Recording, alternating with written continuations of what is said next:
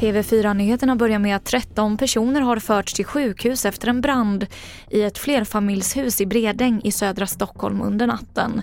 Runt 40 boende har evakuerats och polisen har inlett en förundersökning angående allmänfarlig vårdslöshet. En lägenhet på Kvarngärdet i Uppsala besköts i natt. Flera personer larmade polisen om höga smällar. Polisen kunde på plats konstatera att ingen skadats och nu undersöker man bland annat kopplingar till den pågående gängkonflikten i Uppsala.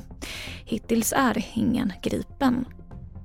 Och det är fortfarande stora avspärrningar runt det flera hundra meter stora slukhålet som uppstod runt E6 vid Stenungsund efter ett jordskred igår.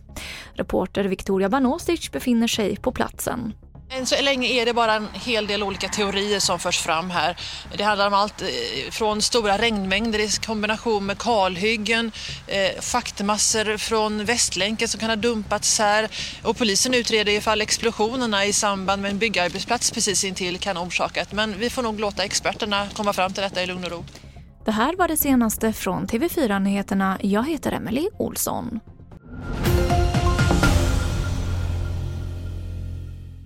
Ny säsong av Robinson på TV4 Play.